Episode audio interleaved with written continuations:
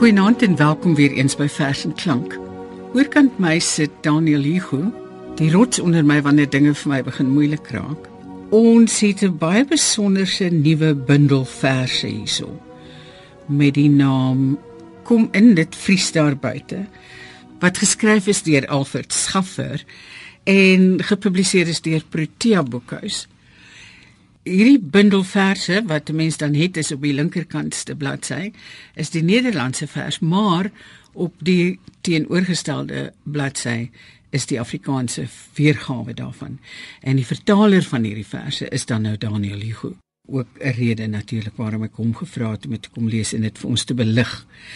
Daniel, vertel vir ons van die digter. Ja, Alfred Schaffer is eintlik 'n Nederlander. Hy is in 1973 gebore. Sy pa was van Nederland en sy ma van Aruba.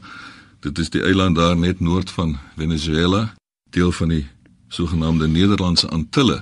En Aruba is deel van die koninkryk van die Nederlande nog vandag.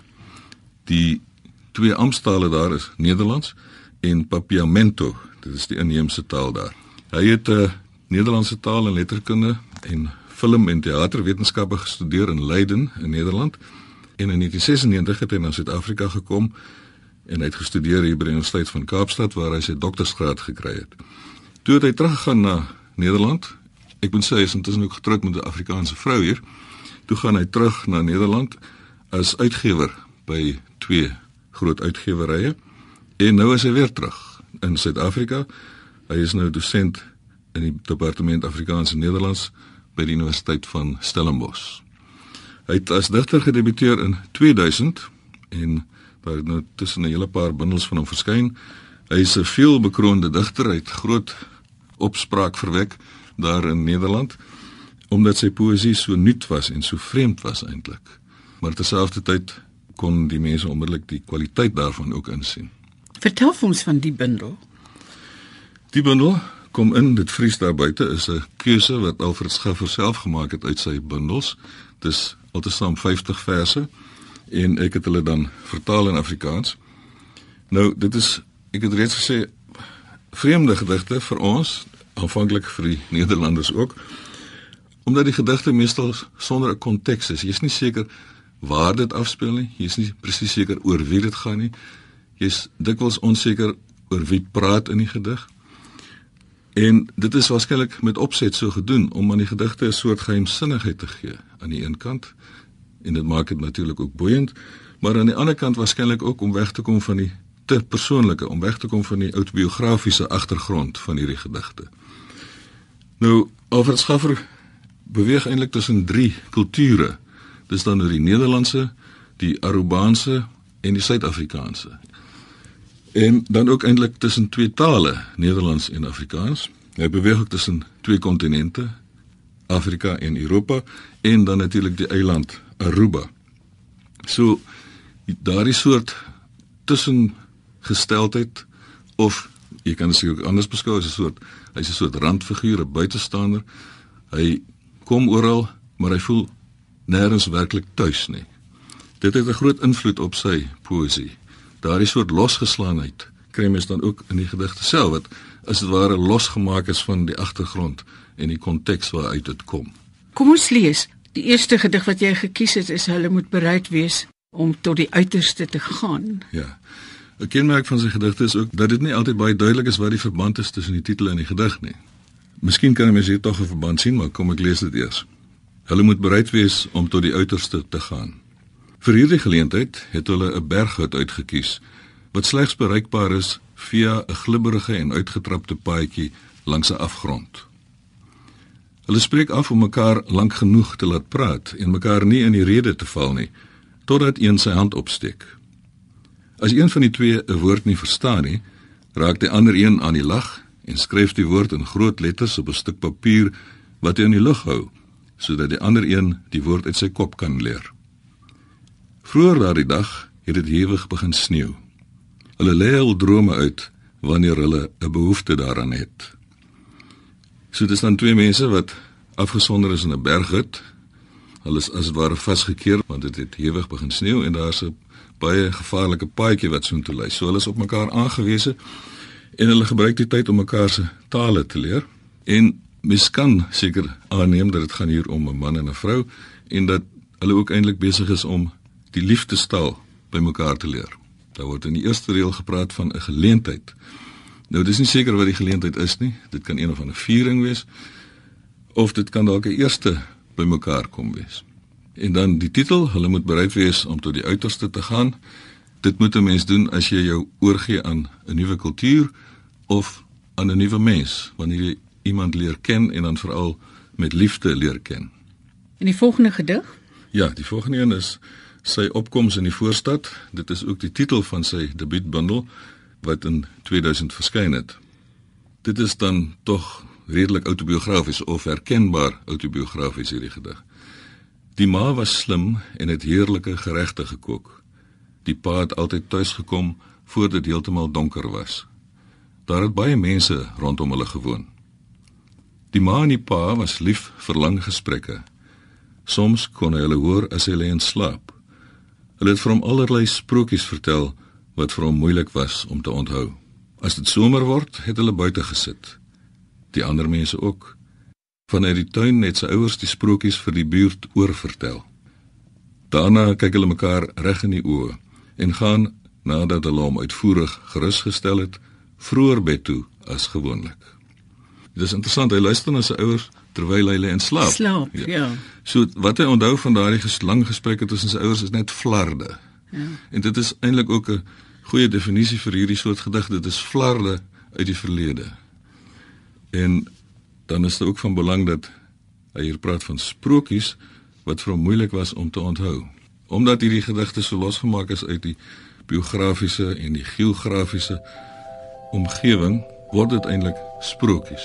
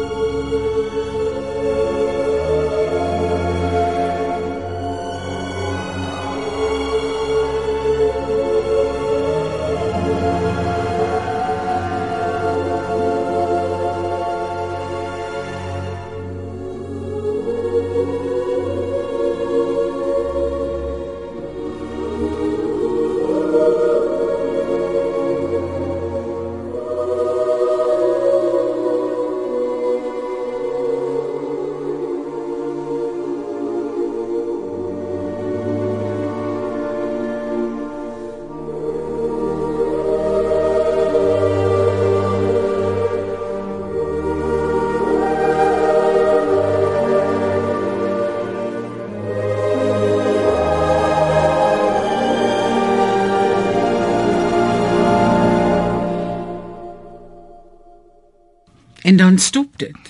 Ja, en dan stop dit. Ek vermoed dat uh, hierdie gedig eintlik afspeel in Aruba. Dit wil sê die eiland waar sy ma vandaan kom. En dan stop dit. Die afgelope dae dink ek meer en meer aan die eiland van my ma en die huis van haar pa. Dit het blou buitemure gehad en geen deure nie, soos die meeste huise langs die baai. Die see, die blou huis op die strand Die boom in die kombuis wat hulle uit bygeloof nie wou afkap nie. Daar is selfs 'n gat gemaak in die dak. Alles kom steeds meer op dieselfde neer. Daar staan my pa, maar nou sonder sy vrou of sy skoonpa.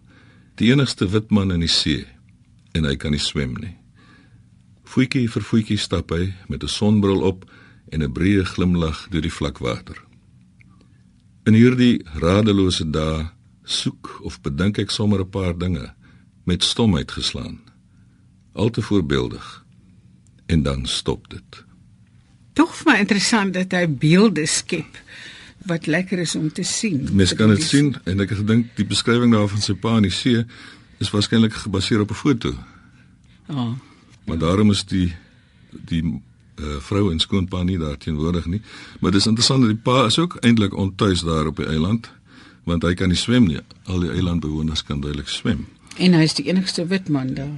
Nou Aruba is 'n baie gewilde toeriste bestemming omdat dit so goeie klimaat het, 'n droë, warm klimaat het. Dit is waarskynlik waarom die huise nie deure het nie. Ja. Dis nie nodig nie. Ja. Is duidelik ook dan nie misdaad. Misdaad nie. Ons het nou gepraat oor beelde. Ja. En die ene se titel is Die seremonie in beeld en klank. Soos konfetti daal die eerste sneeuvlokke uit die hemel. Oral klink gejuig op, oral knal die vuurwerk. Kinders steek hul tonge uit om die koue te proe. Die slaap is 'n pynlose oefening in konsentrasie, om te dwaal deur 'n huis op soek na 'n voorwerp, na iemand wat roep, "Ek is hier." Die slaap is die geruislose getik van 'n horlosie. 'n Sneeuman wat agterbly onder 'n boom na 'n nag vol gelukwensings sy wankelrige bolyf aan sy onderlyf vasgevries. 'n Tragiese verset op 'n vlakte wat al witter word. Nou daardie witter wordende vlakte, ek wil dit graag in verband met die poesie bring dat dit eintlik die wit is wat die gedig bedreig. Dat die wit hmm. dalk die woorde kan uitwis soos wat die sneeuvlokke uit die hemel val. Dit gaan dus hier oor een of ander viering. Dit kan wees nuwe jaar, dit kan dalk wees 'n verjaardag. En maar die eintlike vreugde word verskaf deur die eerste sneeu, die eerste sneeuvlokke uit die hemel. Die dag breek stol in sigbaarheid. Ja. Hy lê op sy maag langs die bank. Die televisielig gooi 'n sineagtige skynsel op alles wat hier agterbly. Dit is net net nie 'n verhaal nie. Hy kyk verbaas, sweet drup van sy voorkop af, sy mond klap open toe. Dit is Saterdag of Sondag, onbewolk. 'n pragtige tyd vir 'n wandeling in die park, 'n besoek aan die kermis. Die klok slaan 6 uur. Al daardie ure waarin hy hom leeg geskreeu het, om probeer losruk het, oorsaak en gevolg verwar het. 'n Seehond, blind of gewond, kruip van selfsprekend terug na die vrieskoue water, hoe ver ook al. Onder die ys voel hy die eerste sensasie van diepte as die vervulling van 'n belofte. 'n dik rooi spoor verklaar sy tog in minute of dae. Sjoe, dis dan baie verwikkeld hierdie, né? Nee? Wel, dis 'n ontstellende gedig, dis waarskynlik iemand wat in 'n een of ander inrigting opgeneem is wat 'n 'n sienie toestand gehad het en dan in die slot word die persoon vergelyk met 'n gewonde seehond of dan 'n rob wat teruggaan onder die ys induik. Die vraag is hoekom het ek nie seehond met rob vertaal nie omdat jy dan die rym, die binnerym daar sal verloor. 'n Seehond blind of gewond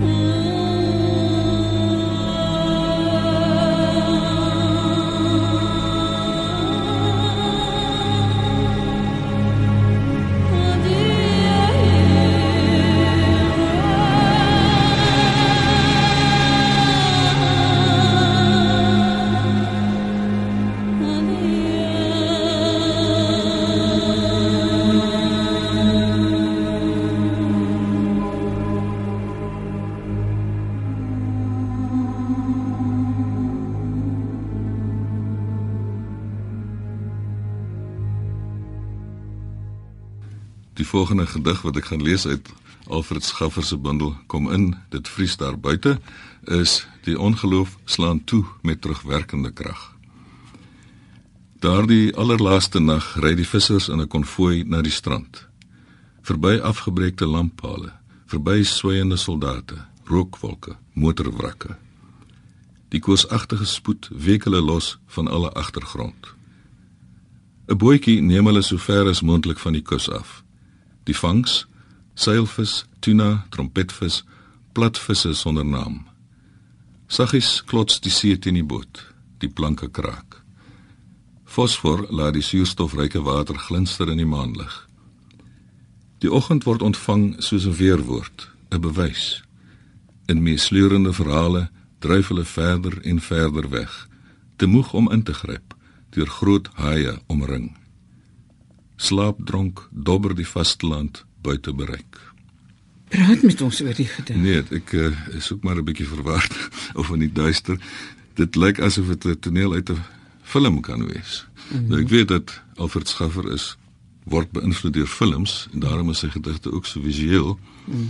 Maar selfs al kan jy dit nie in 'n ruimte plaas nie, is dit tog besonder visueel. Wel, hier sien ons nou wel dit gaan oor vissers wat op 'n boot op die see gaan en dan vis vang. Miskien is hier 'n soort ego van die wonderlike visvangs uit die Nuwe Testament, Jesus en die disippels. Daarom ook die titel, die ongeloof slaan toe met terugwerkende krag. Wanneer jy so iets vertaal en die digter is beskikbaar, gesels jy met hom wanneer jy vashak? Ja, in hierdie geval het ek beslis met Alfred Schaffer gepraat, hy het my hier en daar op die regte spoor gelei, maar hy hy was baie beslis daaroor dat ek nie moet probeer interpreteerend vertaal nie. Ek moet net vertaal wat daar staan.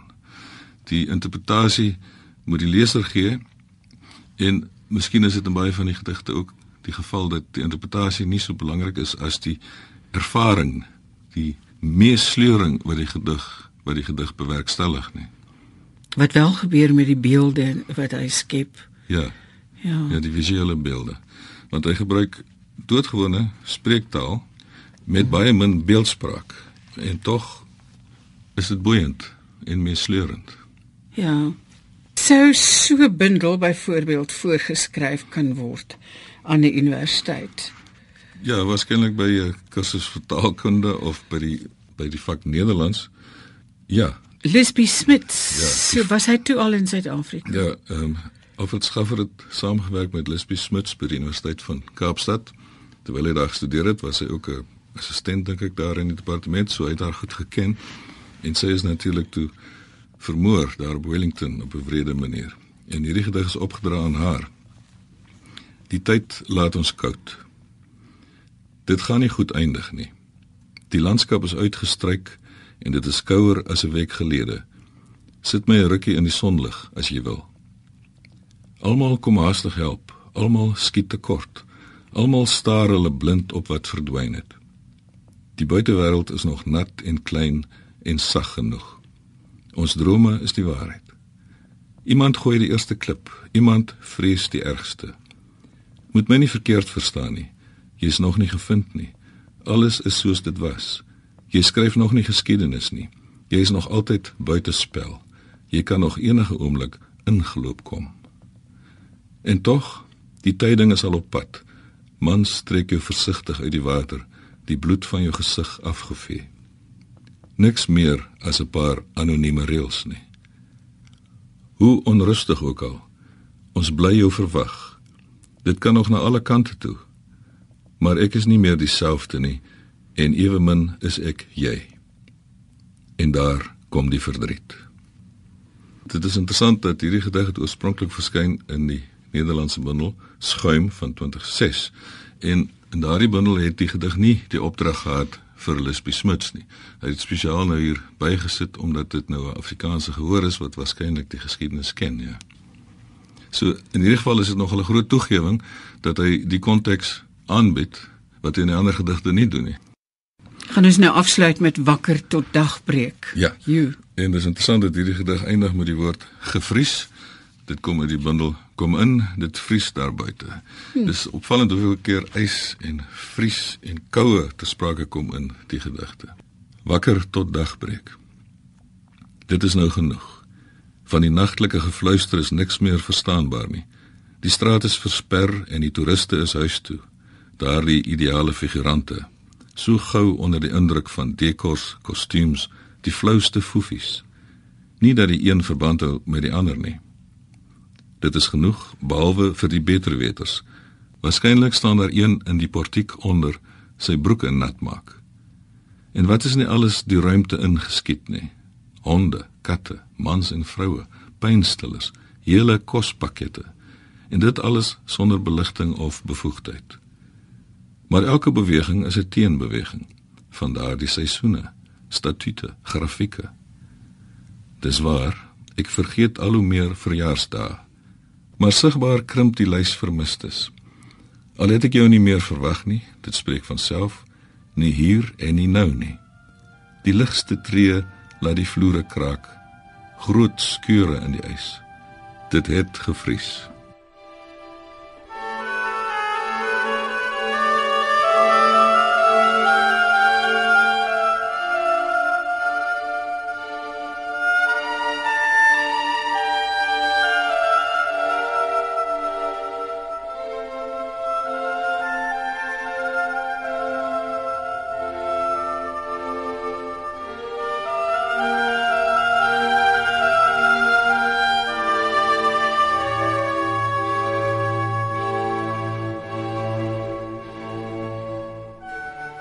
Dit uit die bundel kom in dit Vriesdae buite van Alfred Schaffer